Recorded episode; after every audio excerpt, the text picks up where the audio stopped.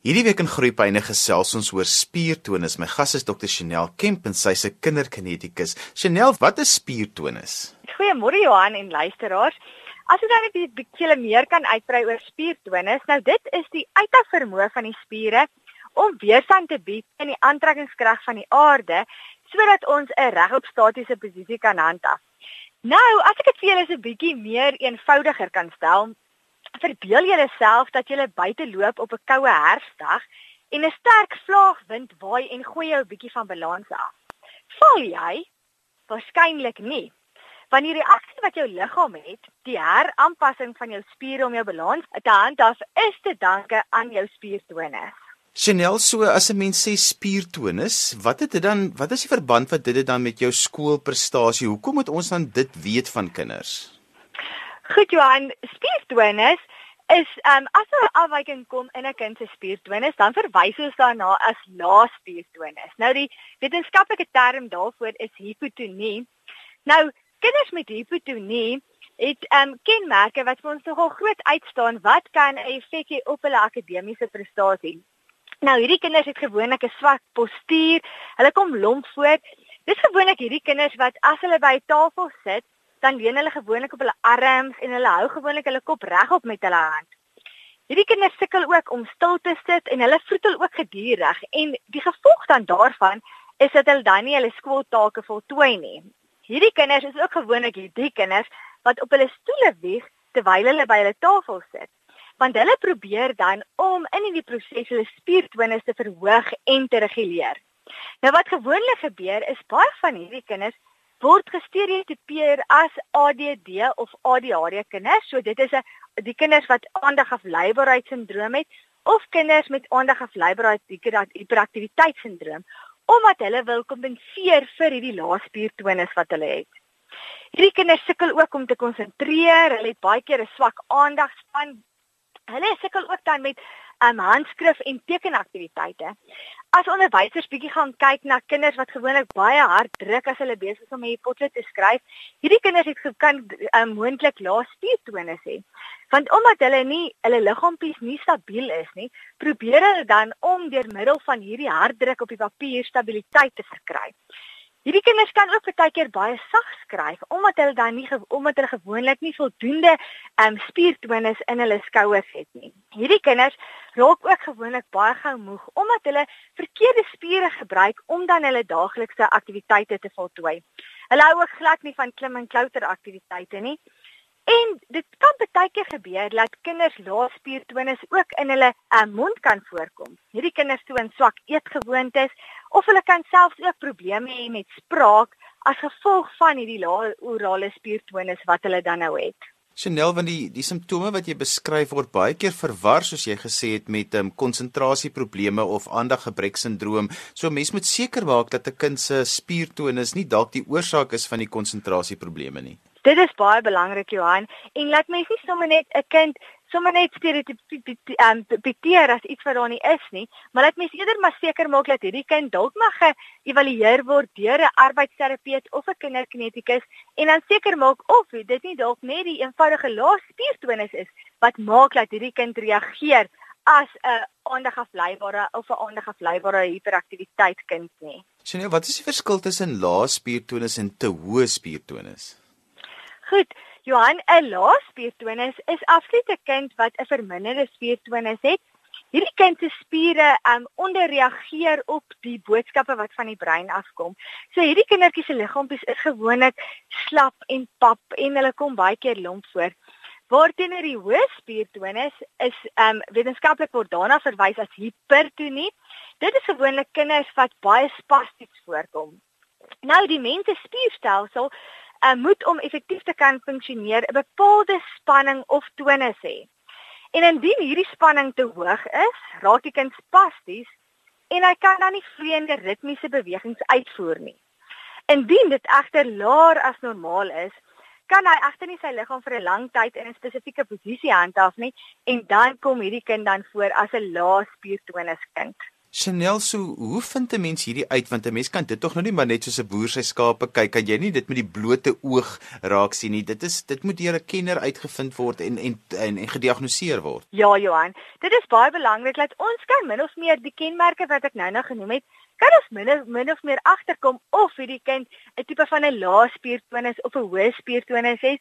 Maar dit is baie belangrik dat indien 'n ouer of onderwyser opmerk dat hierdie kind hierdie tipe van kenmerke toon, om dan eerder na 'n terapeut toe te gaan en seker te maak dat hierdie kind geëvalueer word dat ons nie eerder net hierdie kind kenmerk as 'n lae spiertonus of hoë spiertonus kind nie, maar dat ons seker maak dat wetenskaplik is hierdie kind reg gediagnoseer. Dit is ook baie belangrik dat ons sommer van 'n vroeë ouderdom, so vroeg as moontlik by babatjies kan mens al klaar agterkom of hulle laaspiertonus het. Byvoorbeeld babatjies ehm um, wat laaspiertonus het, hou byvoorbeeld nie baie daarvan om op hulle magies te lê nie. En indien hulle op hulle magies lê, kan hulle glad nie hulle nekkie van die grond af oplig nie. Babatjies toon ook gewoonlik baie keer vertraagde mylpaalontwikkeling. Hulle sit en kruip of loop baie keer laat. En dit kan vir ons 'n aanduiding gee van dalk 'n moontlike laaspiertonus probleem. As babas skuif hierdie ouetjies ook eerder op hulle sitvlakke rond as om te kruip. En so indien 'n ouer hier op 10 maande sien dat die babatjie nou nog nie begin enige tekens toon van kruip nie, is dit baie belangrik om dalk eerder dan maar na 'n arbeidsterapeut of kindermedikus toe te gaan en dat hulle dan kan geëvalueer word om dan seker te maak of hierdie kind nie dalk da dan laaspiertonus probleme het nie. Chanel, wat is die verskil tussen genetiese laaspiertonus en wanneer die leefstyl die laaspiertonus veroorsaak? Goed, ja, geneties is ehm um, die laaspiertonus is maar 'n um, faktor wat geneties oorerflik is. So dit kan maak dat hierdie kind laaspiertonus het. Maar deesdae het ons tegnologiese ontwikkelde wêreld gemaak dat baie van ons kinders nie meer buite speel nie. Hulle spandeer baie meer tyd voor die televisie, die rekenaar en skootablette. En dit maak dan dat hierdie kinders glad nie 'n tipe van 'n spiertonus eers ontwikkel nie. So ons ontwikkelde wêreld het gemaak dat kinders nie meer klim en klouter nie, hulle speel nie meer buite nie. En as gevolg van dit gebeur dit dan nou dat hierdie kinders laaspiertonus ontwikkel eerder as dat dit net dan nou op die ouende oor oor erflike sindroom dan nou is. Chanel, maar watter verband is daar tussen konsentrasie en laaspiertonus? Want hoekom het dit so 'n impak op die konsentrasie van 'n kind? Vir 'n kind met laaspiertonus is dit ongelooflik om vir daardie tyd as mens dink in 'n klas kamer situasie, besig spandeer kinders 85% van hulle tyd in 'n klaskamer hulle nie buite speel nie. En vir hierdie kind om stil te sit by sy tafeltjie verg ongelooflik baie energie en inspanning.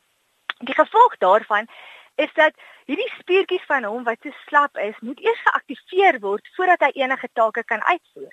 Die gevolg daarvan is dat hy die hele tyd besig is by sy tafeltjie. Dis al gewoonlik die kindjies wat gereeld loop en 'n papiertjie gaan weggooi in die asstuk of gereeld na juffrou se tafel toe gaan, want hierdie uh, spiere moet op 'n manier geaktiveer word. Hierdie kind is dan so besig om hierdie spiere te aktiveer dat hulle kan glad nie stil sit nie en hulle kan glad nie konsentreer nie en hulle kan glad nie aandag gee nie. En dit maak dan dit ongelooflik moeilik vir die kind om skooltake dan nou uit te voer. Chanel, so watter terapeute werk met spiertonus? Wat is die mense in wie se veld dit is? Goed Johan, dit is gewoonlik jou arbeidsterapeut en jou kindermedikus. As ons gewoonlik verwys na die laaspiertonus, is dit gewoonlik die terapeut wat hierdie kind kan evalueer en dan wat dan 'n spesifieke um, remedierende program vir hierdie kinders kan voorskryf om dan nou hierdie laaspiertonus te verbeter. Gewoonlik met die hoë spiertonus, die spastisiteit, is kan 'n fisioterapeut ook baie van waarde wees om bietjie hierdie kind te masseer en hierdie spastisiteit wat dan nou in hierdie spiere is, bietjie te verlig. Senelma, daar's tog baie goed wat ouers by die huis kan doen om kinders se spiertonus op 'n informele manier sonder dat dit skade kan doen te ontwikkel. Ja Johan, dit is gewoonlik um so 'n belangrike aktiwiteit wat 'n ouer met 'n kind moet doen. Want omdat kinders nie meer buite speel nie en nie meer geleentheid kry om die spiertonus voldoende te ontwikkel nie, kan ons as mammas en pappas sommer daar by die huis 'n paar aktiwiteite met die kinders doen. Nou een van die um aktiwiteite wat alles ontwikkel en wat sommer in een konsep sommer alles aanspreek is 'n springmat, eintlik beter bekend as 'n trampolien Nou mens hoef nie net die groot trampolien te gebruik nie. Mens kan sommer van daai klein trampolientjies aanskaf en dit is ongelooflik goed vir spiertonus. En om dit nou bietjie meer interessant vir die kind te maak, kan u som nie net dat die kind net spring op die trampolien nie. Hulle kan bietjie spring en hande klap. Hulle kan spring en draai in die ronde. Hulle kan tot 'n boontjie sakkie tussen hulle knie vasknyp en spring op die trampolien. Hulle kan ster sprongetjies doen, skers sprongetjies. So 'n uh, trampolien is 'n ongelooflike belangrike komponent wat ons in ons huise moet hê. Dan as ons aan kyk na die groot oefenballe, daai keer so bekend as 'n gymnastikbal. Nou, as ek kon, sou ek in my televisiekamer, sou elkeen van die familielede 'n oefenbal ehm um, gegee het om op te sit terwyl hulle televisie kyk, want dit is ongelooflik goed vir spiertonus, want hier moet jy die hele tyd jou liggaam stabiliseer en reghou terwyl jy dan nou televisie kyk. Mense kan hierdie groot oefenballe gebruik om te gooi en te vang vir mekaar. 'n Baie goeie aktiwiteit vir die skouerstabiliteit is as die kind op hulle maag op hierdie oefenbal lê en dan met hulle handjies vorentoe loop totdat hulle voete op die bal rus en dan weer terug. Dan gewoonlik sonder op enige apparaat is duurlope. Johan duurlope is ongelooflik goed vir spiertonus. Nou dit kan sommer gedoen word sê maar voordat die kind gaan bad of voordat etenstyd is, dan kan hulle bietjie luiperd kruip doen Hulle kan bobbejaan loop, hulle kan para spring en hulle kan kraploop aktiwiteite doen. Chanel verduidelik gou-gou 'n bietjie vir ons net hoe hoe werk daai verskillende dierlope want 'n mens nie baie keer aan mense weet, maar mense weet nie regtig hoe die verskillende dierlope is nie. Goed Johan, as ons gaan kyk na luiperd kruip, nou dis nou waar die kind sommer op hulle maagies lê en nou moet hulle met hulle armpies en beentjies vorentoe kruip en hulle kan sommer weer agtertoe kruip. Bobbejaan loop is as hulle hande 4 voet staan en dan loop hulle soos 'n bobbejaantjie vorentoe en agtertoe. Para spring is asof hulle op hulle hertjies gaan rus en dan spring hulle in die lug en op en af teen hulle beentjies reguit te strek en weer te buig. En dan kraploop is as hulle dan met hulle ruggie gewys na die grond toe, dan met hulle boutjies wat na onder toe wys beweeg hulle dan vorentoe en agtertoe en dan kan hulle sommer soos 'n krappie sywaarts heen en weer beweeg. Chanel, maar hoe wys ek vir my kind om dit te doen? Want kyk as ek nou met paraspring doen, dan haak ek 'n plek in my rug uit wat geen ehm um, mens weer gaan kan inhak nie. ja, Johan. Ag ek dink dis eintlik vir ons as ouers baie belangrik dat ons ook maar so 'n bietjie fisiek aktief raak en dan ook bietjie kyk na hierdie tipe van ehm um, uh, dierlope en paraspringe en so. En ons kan net op 'n stadige manier kan ons hulle wys hoe lyk hierdie sprongetjie. En as jy nou regtig voel dat dit nie kan werk nie, kan jy 'n bietjie vir die ouer boetie of sussie bietjie aansê om bietjie vir die kleineres te wys hoe lyk hierdie dierlope. Wat kan ons nog doen, ehm um, Chanel, want daar's so baie goed wat 'n mens sommer by die huis kan doen. Goed Johanne, baie lekker aktiwiteite soos gewone kruiwaal loop. Net baie belangrik by kruiwaalloop is dat mamma en pappa onthou dat ons die kinders by hulle knieë vashou en nie by hulle enkels nie. Dat ons nie hulle lae ruggies ehm um, seer maak op hierdie manier nie. Dan gewoonlik toutrek aktiwiteite. Ons kan sommer 'n lekker gesin kompetisie hou en kyk wie wen die toutrek kompetisie.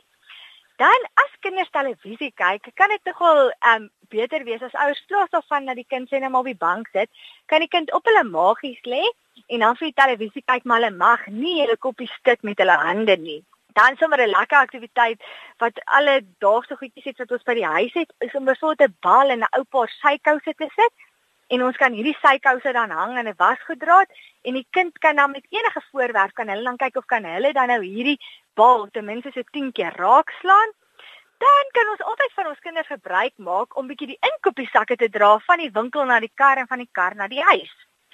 En dan baie lekker aktiwiteite dan ook is byvoorbeeld nie net vir ehm um, die groot spierontwikkeling en skouerspierontwikkeling nie, maar baie belangrik is ook om te te, te onthou van die spierontwikkeling van ons hande. Nou klei speel is 'n baie lekker aktiwiteit hiervoor. Die kinders kan ook met koerantpapier kan hulle balletjies maak. Dit vrommel dat hulle bietjie hierdie klein spiertonus bietjie ontwikkel. En dan kan ons 'n houer vir hulle oor 'n afstand sit en hulle kan bietjie kyk hoeveel van hierdie balletjies kan hulle in die houer gooi. Wasgoedpennetjie aktiwiteite is baie goeie ontwikkeling vir die spiertonus. Hulle kan bietjie kyk hoeveel wasgoedpennetjies kan hulle net om 'n papierbord vasmaak en weer afhaal. Dan kan jy ook jou kind gebruik om vir jou te help om die tuin nat te maak. Hierdie ou klein spuitbotteltjies kan dit gebruik om die plante nat te spuit. En dan Legos. Om Legos te bou is baie goeie aktiwiteit vir hierdie spiertonus ontwikkeling. En dan wat ek nogal gesien het by die kinders verskriklik geniet is as die kinders kopspelde in 'n prent indruk wat op 'n polistireenbord gemonteer is en dan weer hierdie kopspelde dan nou weer uithaal. En al hierdie aktiwiteite Johan is basiese goedjies wat ons regtig in ons huis het en wat ons dan nou met hierdie kinders sommer net so van van selfspelende wys kan doen. Chanel, maar die ding is met met met spiertonus is dat 'n mens dit basies elke dag 'n aktiwiteit moet doen om dit op te tel.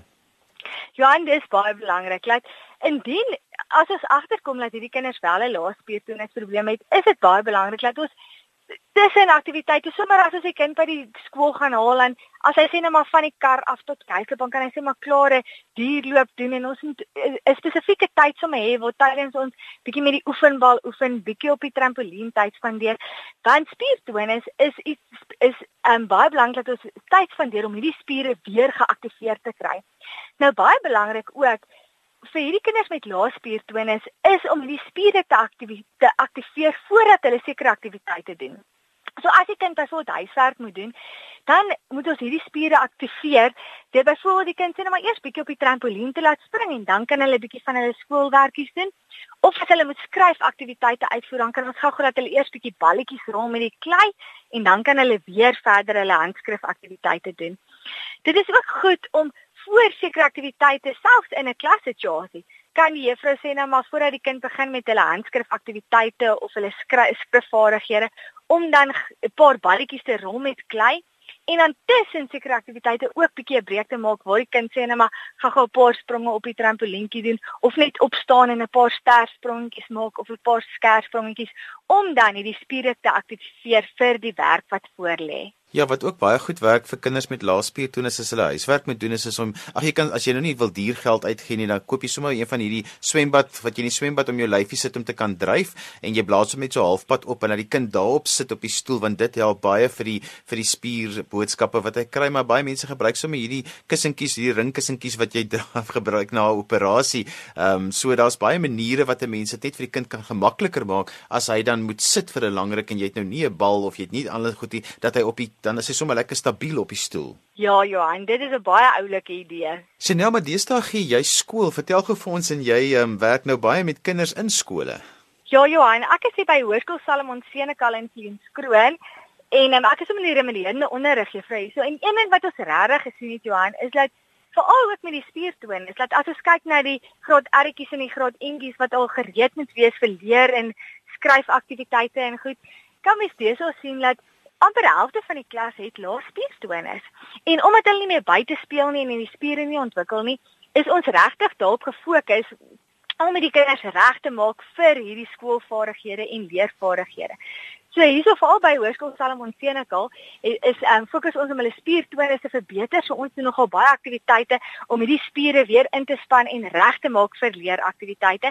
En veral as ons kyk na deesdae, hoeveelheid leerprobleme wat deesdae voorkom in die skole en onder die leerders, is dit baie belangrik dat ons teruggaan na die basis toe waar al hierdie probleme ontstaan groot metodiese vaardighede, spiertone is baie baie belangrik. Want spiertone op die ou einde het tot gevolg dat hierdie kind sukkel met skrif, met lees, met wiskundige vaardighede en as ons hierdie spiertone kan verbeter, dan gaan hierdie kinders se skoolprestasies sommer net al klaar verbeter. Want ek het jou spesifiek dit gevra want baie keer dink mense die passiewe leefstyl is 'n stadsindroom, maar dit kom al hoe meer op die platteland voor net soveel soos in die stad voorkom. Ja, en dit is verseker so. Ek dink dis nou die maak nie saak of jy in die stad is of in die platteland nie. Selfs die plattelandse kinders spendeel baie meer tyd deesdae voor televisies en met tablette en alles.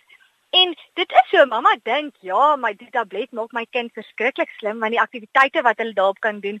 Maar as ons regtig gaan kyk, die as die kind se groot spierontwikkeling nie voldoende is nie, gaan hierdie kind nie verder as hy in skoolaktiwiteite moet vorder, gaan hy nie voldoende skoolprestasie kan dan nou toon dan nie. Chanel, wat jy verwys nou na die groot en die fyn spiere, wat is die verband tussen dit en dan nou spiertonus? Die ehm um, groot en fyn spier ehm um, ontwikkeling is baie belangrik want indien 'n kind se groot spiere nie voldoende ontwikkel is nie, gaan dit maak dat die fynere spiere nie later gaan ontwikkel nie. So as ons gaan kyk na groot spiere, dit is ons arms, ons bene ons hele rompgedeelte, dit wat ons gebruik om springaktiwiteite en hopaktiwiteite mee te doen.